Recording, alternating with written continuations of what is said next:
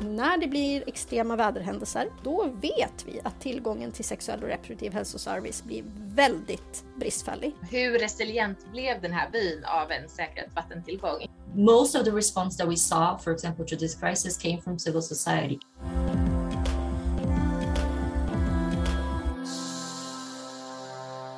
Vem bryr sig om sex när isarna smälter?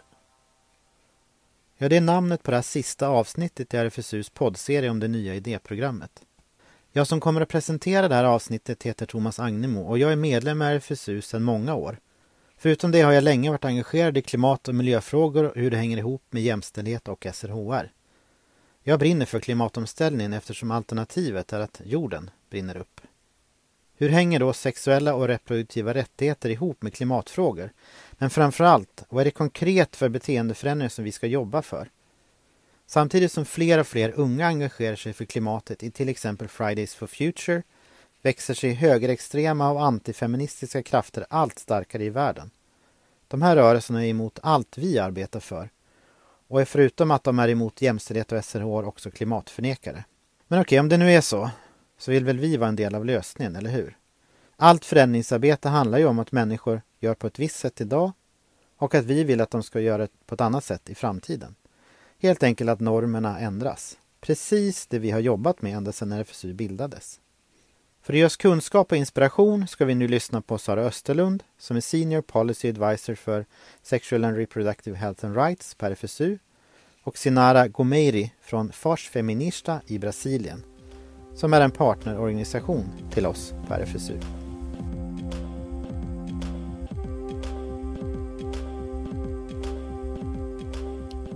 Sara Österlund heter jag och jag jobbar som eh, rådgivare för sexuell och reproduktiv hälsa och rättigheter eh, kring internationella frågor. Svensk utrikes och biståndspolitik är det jag sysslar mest med. Jag har också jobbat en hel del med klimatfrågan och eh, SRHR senaste året i synnerhet. Och ehm, jag tänkte att innan jag säger några ord om hur jag tänker att SRHR har med klimat att göra så kan jag säga eh, några inledande om, om vad klimatkrisen som sån faktiskt handlar om.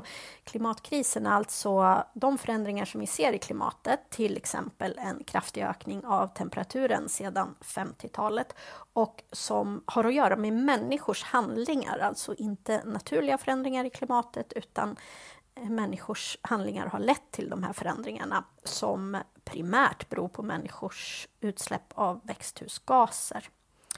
Och man kan säga på ett generellt plan att klimatkrisen förvärrar orättvisor i världen där de som bidragit minst till klimatkrisen ofta är de som drabbas hårdast.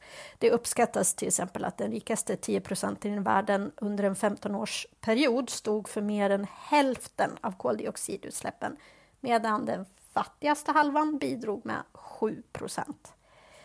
Så ofta är det fattiga länder eller människor i fattigare länder som drabbas hårdast av konsekvenserna av klimatförändringarna. Eh, de som lever i fattigdom har helt enkelt inte lika stora möjligheter att hitta lösningar eller köpa sig fria från de problemen som kommer med klimatkrisen, till exempel översvämningar eller torka som leder till bränder eller eh, eh, förflyttning av sand så att öknen breder ut sig. Eh, man kan ju säga att även en höginkomsttagare i, i Kalifornien vars hus brinner ner i skogsbränderna också drabbas av klimatförändringarna men konsekvenserna blir inte de samma oavsett hur sorgligt det än är att hens hus brinner ner så kan den personen förmodligen sen eh, lösa ut sin försäkring och leva vidare på ett normalt sätt. Det kan inte den utsatta bonden i till exempel Kenya. En sak som har slagit mig när jag har jobbat med de här frågorna och förstått mer av klimatkrisen och mer av hur det ser ut där ute i världen är att kanske för oss som bor i Sverige så är klimatkrisen kanske inte eh, på riktigt. Den känns inte riktigt på riktigt för många, tror jag. Eh, lite så här bara som politik ibland, eller ord. Men för till exempel RFSUs partners i Bangladesh eller i Kambodja eller i Kenya och en mängd andra länder eh, med, där fattiga människor bor, till exempel vid kustlinjer som drabbas av översvämningar, så är det alldeles eh, verkligt och alldeles på riktigt. Men för att återgå då till kopplingarna mellan klimatkriser och sexuell och reproduktiv hälsa och rättigheter, eh, som kanske för många inte känns helt självklar, så kan man säga att eh, klimatkriser har en eh, direkt påverkan på tillgång till hälsa generellt. Eh, på det sättet att på ett väldigt grundläggande plan, så när det blir extrema väderhändelser som en konsekvens av klimatförändringarna, då uppstår det humanitära situationer och befolkningsomflyttningar. Och då vet vi att tillgången till sexuell och reproduktiv hälsoservice blir väldigt bristfällig. Det kan till exempel vara så att kliniker och vägar förstörs vid extrema, eh, extrema väder och hindrar då människors tillgång till mödrahälsovård eller säkra förlossningar eller preventivmedelsrådgivning och mödradödligheten kan gå upp. Det kan vara bristande tillgång till rent vatten efter översvämningar eller torka igen och det försvårar ju en rad tjänster som är jätteviktiga för sexuell och reproduktiv hälsa och rättigheter.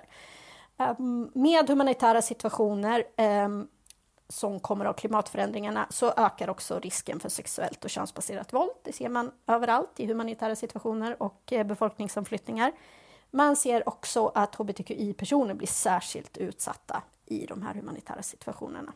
Så det är lite på hur man liksom förenklat eller snarare på ett väldigt grundläggande plan kan se att klimatförändringarna påverkar tillgången till sexuell och reproduktiv hälsa och rättigheter.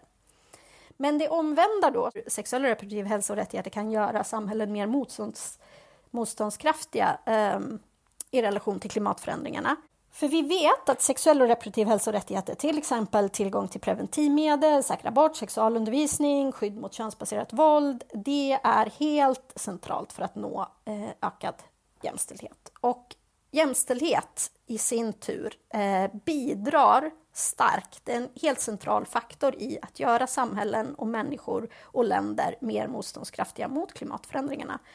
Och därför måste SRHR vara en central del av klimatlösningarna. SRHR måste vara en central del av att jobba med jämställdhet som i sin tur är helt avgörande för att bygga, eh, som man säger, resilienta samhällen än att göra samhällen och människor och länder mer motståndskraftiga. Sen tror jag att vi som eh, aktörer, eh, frivilliga, personer som jag som sitter på ett kontor och jobbar för SRHR, eh, vad man än agerar kring de här frågorna, att vara med och lyfta fram att jämställdhet inklusive sexuell och reproduktiv hälsorättigheter, inklusive rätten att bestämma över sin kropp och kunna kontrollera sin sexualitet. Det är avgörande för att människor ska kunna delta i lösningar på klimatkrisen, bidra till lösningar och skapa motståndskraftiga samhällen. Så att vara med, eh, tror jag, att vi har en viktig roll att spela och vara med och lyfta fram hur SRHR är en central komponent i att skapa mer motståndskraftiga samhällen.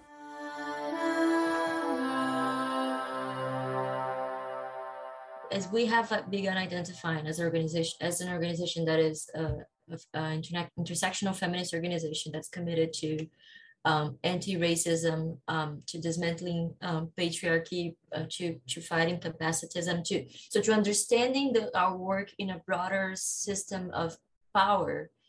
We have begun doing much more of this work of exploring uh, the connections of the work that we do more directly. And one example of that is that as we speak, we are working on um, what we have been calling internally a, climate, um, an environmental justice policy, which is basically an attempt to have our internal document uh, and also to be shared with our, our, our partners about the way that we see those, those those connections, but more, more importantly, how do we see our commitments as an organization to uh, work around those issues?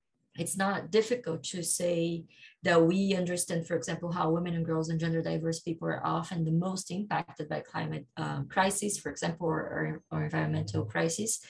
Um, but that's not enough. We are trying to build our understanding of how those those issues are deeply connected and one way that we do is to say that we understand climate justice as um, a kind of a like um, integrated effort to uh, resist against a system of production and and of, of extractivist capitalism and of organization of powers that that sustain a a way of living that's very um, destructive to the environment and that will necessarily impact and, and, and damage those that are most vulnerable by disconnected power systems. So in our understanding of climate justice and climate injustice, um, environmental racism is a clear component. In Latin America, there is this um, tendency of talking about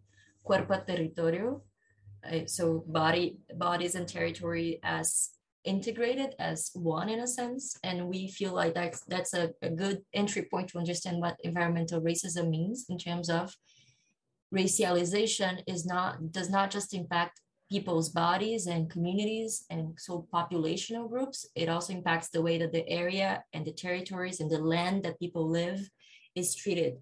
Not only in how much it is exposed to extractivism to to to destructive um, uh, forms of production to exploitation, uh, but also in the way that it is often disregarded in the design of, of policies, of public policies around uh, environmental protection, or also, also in the way that these communities once affected by climate crises or environmental crisis are disregarded as agents of change, as those who should be at the center, center of um, disaster response and all of that. So it, it is really a, an all-encompassing system that we are trying to be more aware of and to learn about how, how it plays out in our work. To sum up, we understand that you can't talk about reproductive justice without talking about other dimensions of justice and climate justice and environmental justice is necessarily a part of it because of the way that we organize our ways of production because of the impact that it has on where people live and the access to resources that they have. And in terms of an example in the region, um, we can I can mention one that's pretty close to me particularly, and we have featured that in a in a in a different in a project that I can show you in a bit. But um, every um, every summer in Brazil at the beginning of the year, which is uh, summer here, uh, we have uh, a lot of rain and a lot of raining and and but we have been having over the last few years um, really um, massive storms and which are understood to be a part of or an expression of climate change and this year last few years has been like this but this year was pretty evident how the impacts of those have been have been imposing loss and damages to particularly um, uh, vulnerable communities, um, communities that are most exposed to intersectional um, inequalities. Um, and that means, for example, traditional Black rural communities in Brazil, which uh, here we call quilombolas, small farmers, so and rural women and girls, and that and it means families who live in, in favelas, as we are going through a very authoritarian, anti-environmental justice, misogynistic government, most of the response that we saw, for example, to this crisis came from civil society, came from organizations responding on the ground um, to the basic needs of these families and these communities that were most affected. The way to make the connection to our specific teams or issues of, of SRHR would be to say that um, people lose their livelihoods they, lo- they lose their homes they lose everything that they have to build their life projects on and that obviously has an impact on their capacities to make um, free and informed decisions about their bodies um, it, makes them more vulnerable to gender-based violence. Um, it, it, it, has a, um, an unraveling impact in people's everyday life. We're talking about um, um, reproduction reproduction and, and not only biological but social reproduction of life which happens every day in the middle of the disasters. People don't stop um, having sex having babies needing to uh, nurture their kids in the middle of this it just becomes much harder and and becomes much harder also because of how much more exposed to violence people become another way to present these connections that we have is to say you can't do any sort of crisis or humanitarian response without SRHR at the center.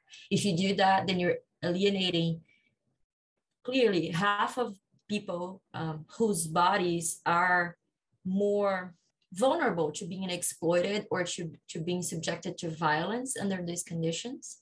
And this is something that we have been trying to, to challenge. And the way that we understand that our work connects to this is by something that I, I've mentioned before. We continuously fight to make sure that SRHR is a part of those responses always to, to try and make sure that this is um, understood as central as this response and not as a luxury and not as, a, not as an afterthought because um, this traditional thinking that SRHR is a the, the stuff that you do once the worst has passed. This traditional way of thinking is just a way of acting as if of trying to protect abstract humans and abstract humans don't exist. One of the things that we have been saying is there's no way to really truly talk about preparedness for anything any sort of climate crisis environmental crisis humanitarian crisis of any nature if you're not um, supporting and strengthening a intersectional and vibrant, vibrant civil society because civil society is always the first respondent. Because they are on the ground because they are in, integrated with the communities because they're able to assess immediately what are the needs on the ground what how what kind of resources could be mobilized. So if you don't have strong civil society on the ground there's really it's really difficult to seriously talk about um, a, a, a, concrete response or or preparedness for that in that sense. We have a responsibility to consider climate justice not just as a point of rhetoric but really to interrogate what does that mean to our everyday work. And it, it can include um, basic sustainable practices within an organization but uh, as important as that it is to, uh, to also understand to to have to have organizations and, and actors take the exercise to really ask themselves how do they see those connections and how can they act on those connections? And i think that will mean very different things for different actors i know that some people will say that, that they will look at the issues as, as if they're two separate and and some people will say that they see the connections but the connections are so structural that it's kind of hard to address um, and it, in a way that is true for example, if we're talking to gov- governments or to donors, we, I think the first part of the issue is to understand that yes, we are part of the problem. Yes, we may be trying to do with philanthropy, undo with philanthropy what we're doing with development. Um, we need to be able to address those difficult um, conversations and say, uh, when donors, for example, ask um, um, organizations on the ground or uh, INGOs to make sure that they include climate justice or environmental justice as a component to their proposals. That's that's good. That's a good practice. They should be doing the same as well. We need we need everyone who say who says that they care about this not to make it as someone else problem someone else's problem. It has to be a problem for all of us this is an area that's because it touches so much on the root causes of the injustices that we see all the time it's very structural it's very hard to challenge it's very hard to kind of find what it is that you can do different and that won't feel cosmetic in a way but still our responsibility uh, one that we cannot be um, running away from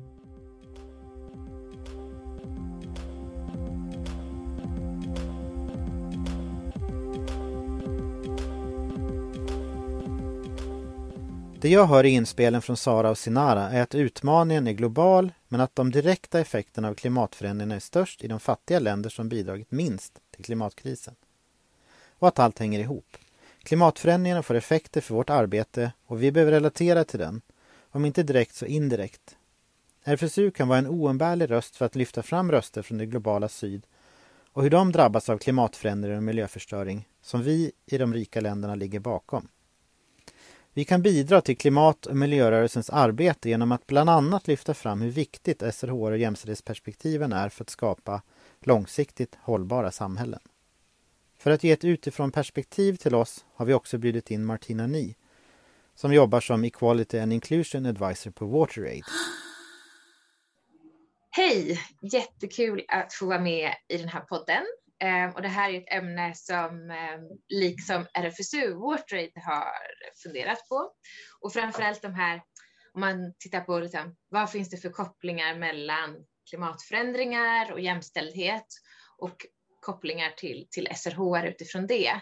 Och då har vi funderat liksom, från vårt perspektiv på WaterAid, vi arbetar ju med, med liksom vatten och sanitet och hygien som, som eh, liksom specialistområde. Och vi ser ju att klimatförändringar väldigt starkt är kopplade till vatten.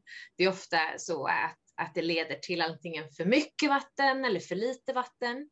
Och oavsett vilket så påverkar det här tillgången till, till, till rent dricksvatten, framför allt för, för personer som lever i, i fattigdom. Um, och till exempel vid, vid stora skyfall så, så har man då inte tillgång till, till rent vatten um, eller om man inte har tillgång till liksom, bra toaletter som är anpassade för, för stora regn så får det här katastrofala konsekvenser och vi kan se hur enkelt byggda latriner svämmar över och kontaminerar dricksvattnet men också hela byar och människors hem. Och har man då ett område som kanske drabbas av höga temperaturer till följd av klimatförändringar så ökar eh, risken för allvarliga kolerautbrott till exempel. Och alla de här sakerna är någonting som drabbar framförallt kvinnor och flickor till mycket större grad. Och det eh, är framförallt för att kvinnor och flickor har, har specifika behov kring vatten och sanitet kopplat till deras reproduktiva hälsa, men också kopplat till, till liksom genusnormer i, i samhället. Om man tittar speciellt på, på liksom den sexuella och reproduktiva hälsan ehm, så ser vi i, liksom i vårt arbete att eh, mer än hälften av de vårdinrättningarna i de fattigaste länderna inte har tillgång till rent vatten. Eh, vilket innebär att gravida kvinnor ofta måste bära med sig sitt eget vatten till sin förlossning. Ehm, och det här ska vara vatten som man dels för att dricka men också för att liksom, tvätta barnmorskans händer, tvätta instrument men också tvätta det nyfödda barnet med. Och Bor då kvinnan i ett samhälle som inte har tillgång till rent vatten, eh, då kanske vattnet hon tar med sig är smutsigt, det kan vara fullt av liksom, bakterier. Eh, och är det under en torrperiod så kan det också vara så att hon inte ens hittar tillräckligt med vatten att ta med sig till förlossningen. Eh, vissa förlossningsmottagningar då släpper inte in kvinnorna på mottagningen och andra liksom använder det de har, men vilket då sätter både barnmorska, kvinnan som ska föda och det nyfödda barnet i, i väldigt, väldigt stor risk. Och det är faktiskt så att varje minut så dör ett spädbarn på grund av infektioner från smutsigt vatten och en smutsig miljö. Så det här påverkar ju eh, förlossningsvården i allra högsta grad, eh, framförallt för personer som lever i fattigdom. Det var en en studie förra året eh, som, eh, där man hade tillfrågat 1,2 miljarder kvinnor runt om i världen eh, vad deras största önskan var i, i sin reproduktiva hälsovård. Och då var just tillgången på vatten och sanitet och en hygienisk miljö Eh, det som kom på andra plats i den här undersökningen, vilket visar liksom hur starkt det här basala behovet är inom den reproduktiva hälsovården. Men vi ser ju då att i och med klimatförändringarna så blir det här svårare och svårare att att säkerställa. Så det liksom leder till en, en, större katastrof i och med klimatförändringarna. Så här är också liksom en viktig, viktig liksom aspekt att, att ta upp tycker jag, att liksom visa den här kopplingen till jämställdhetsfrågorna och SRHR-frågorna, där man ser att liksom klimatförändringen också påverkar det här så otroligt liksom negativt, eh, möjligheten till liksom bra reproduktiv hälsovård. Och att just möta liksom kvinnor och flickors önskemål och, och liksom behov i det här området. Men också åt andra hållet då, liksom, att fokusera på jämställdhet och till viss grad liksom SRHR-frågor, hur det skulle kunna liksom bidra till resiliens. Om man inte i resiliensarbetet tittar på vad kvinnor och flickors behov är så lämnar man liksom hälften av världens befolkning utanför. Det i sig omöjliggör att på något vis kan uppnå liksom någon typ av resiliens mot klimatförändringar. Och att liksom få in kvinnor och flickor, det är ju dels liksom att få in dem i, i liksom forum för beslutsfattande, få in få in liksom deras perspektiv och deras idéer. Det är ju någonting som liksom blir avgörande också för hållbarheten av lösningarna. Och eh, jag kan ge ett exempel på ett projekt som vi, vi kom till en by i Etiopien för, för några år sedan, där man tidigare hade Eh, det hade borrats, man hade efter vatten och man hade installerat en vattenpump i den här byn för eh, x antal år sedan eh, av en annan icke-nämnd organisation. Men den här användes inte. Så WarTrade kom till den här byn och så liksom vi hade, jobbade med, med local government i det här distriktet och vi hade fått i uppdrag liksom att titta på hur man kunde på, på ett klimatsäkert sätt liksom bygga resiliens i den här byn utifrån ett vatten och sanitetsperspektiv. perspektiv. Och man samlade då eh, byns kvinnor för att liksom prata med dem och säga hur ser situationen ut, vad är problemen liksom, och så vidare. Hur, vad är det för lösningar de ser? Och då berättade de om den här pumpen som hade tidigare installerats, men då hade kvinnorna inte överhuvudtaget blivit involverade i den processen. De var inte, liksom, de var inte med i diskussionerna, de fick ingen information, de fick inte vara med i beslutsfattande, ingenting. Utan det var ett gäng liksom, äldre män från byn som jobbade med den här organisationen. Och då hade man valt att placera pumpen vid den stora vägen som gick förbi den här byn. För att man hade resonerat så att det var ju väldigt lämpligt för att om man ville hämta vatten med bil eller om reparatörer behövde komma fram till pumpen och så där, så, så var det bra att den var liksom lättillgänglig vid, vid vägen. Men som då i många andra samhällen så är ju då i det här byn också kvinnornas uppgift att hämta vatten. Och problemet var också att de hade ansvar för familjens alla barn, vilket oftast var ganska många. Um, och de hade alltid med sig barnen när de skulle hämta vatten. Och de hade definitivt ingen bil att hämta vatten med, eh, vilket någon då hade tänkt sig att det kanske skulle vara ett alternativ. Eh, men det, allt det här gjorde att placeringen av den här pumpen blev helt omöjlig, för när kvinnorna kom till den här pumpen, det var den enda som fanns och det var ganska många som kom dit, vilket gjorde att de fick oftast köa.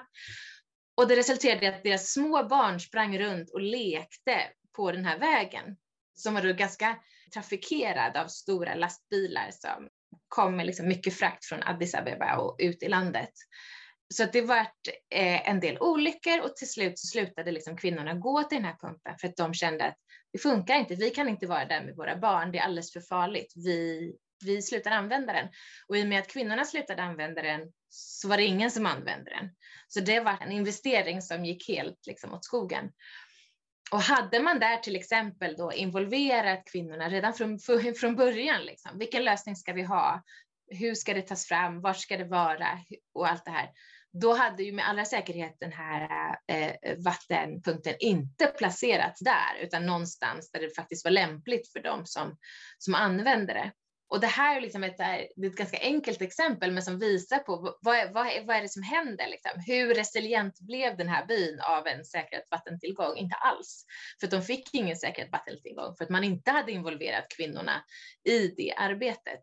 Och jag tänker att det är, liksom, det är väl liksom det basala, att man tänker så här, vad är det som, vad är det som behövs? Och det är samma sak när det gäller så här, vad är det man vill ha vatten någonstans? Ja, men det kanske är så att, man, att kvinnor eh, och flickor väljer att, eh, att liksom vattentillförsel säkras på andra platser, såsom i skolor eller i hälsovårdsinrättningar liksom, liksom för att säkra den reproduktiva hälsovården.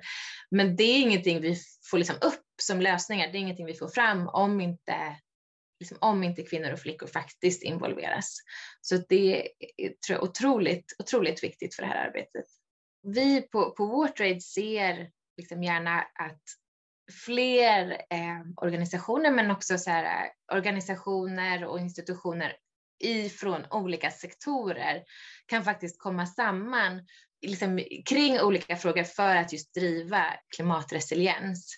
Och jag tror att just jämställdhetsfrågorna och liksom SRHR-frågorna faktiskt är eh, ett område där man skulle kunna mötas. För att ja, men SRHR-frågorna är ju någonting som spänner sig över människors liv från, från liksom ung ålder upp i, i, i liksom äldre åldrar. Och det är någonting som är så otroligt närvarande i människors liv och det är, finns eh, en möjlighet tror jag att komma samman och titta på utifrån ett jämställdhetsperspektiv, liksom, vad är det som är viktigt i människors liv?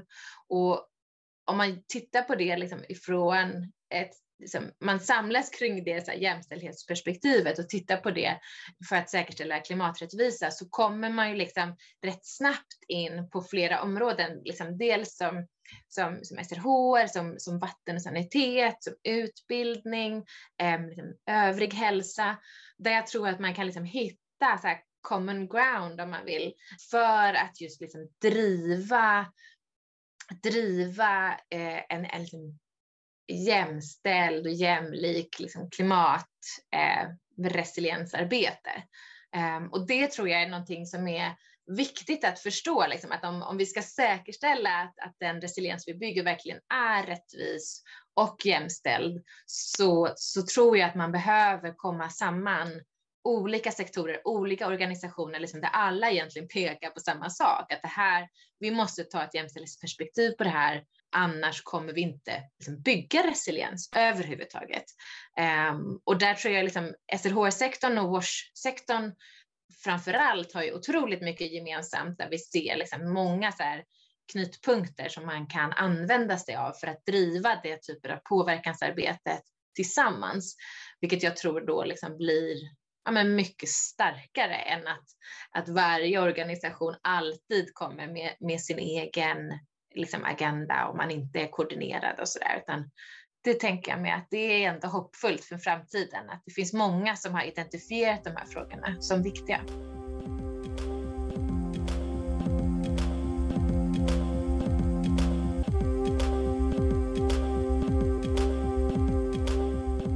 Martina beskriver hur SRHR-rörelserna spelar en viktig roll för att livsviktiga frågor inte ska glömmas bort i biståndet. Jag tycker det är intressant att höra hur påtagligt SRHR-perspektivet blir i klimatarbetet i det globala syd. En utmaning som jag skulle vilja skicka med till er som lyssnar och till de som kommer att ta fram det nya idéprogrammet är Vad spelar SRHR för roll i klimatomställningsarbetet här hemma i Sverige? Utöver det tänker jag att intressanta frågeställningar kan vara för dig som är sexualupplysare. Kan du använda dig av din unga målgrupps engagemang i klimatfrågor i din sexualupplysning? För dig som är lokalföreningsaktiv, vilka föreningar i er närhet kan ni hitta intressanta överlappningar med där klimatfrågor och sexuella och reproduktiva rättigheter överlappar? Kan ni göra saker tillsammans? Hur kan vi tillsammans med våra partnerorganisationer i världen hjälpas åt att stå upp för SRHR i klimatförändringarnas tid? och se till att sexuell och reproduktiv hälsa och rättigheter syns och resurssätts i sin egen rätt. Ja, det finns många ingångar till frågorna. Nu när du har lyssnat tycker jag att du ska gå in på rfsu.se och klicka på idéprogrammet. På sidan hittar du tider för samtal online som bygger upp idéprogrammet. Där finns också material att ladda ner så att ni kan göra en studiecirkel i anslutning till till exempel ett styrelsemöte i er lokalförening. På sidan finns också en länk där du kan lämna in din egen eller din lokalförenings inspel till idéprogrammet. Det finns många anledningar att tänka på sex, även om isarna smälter.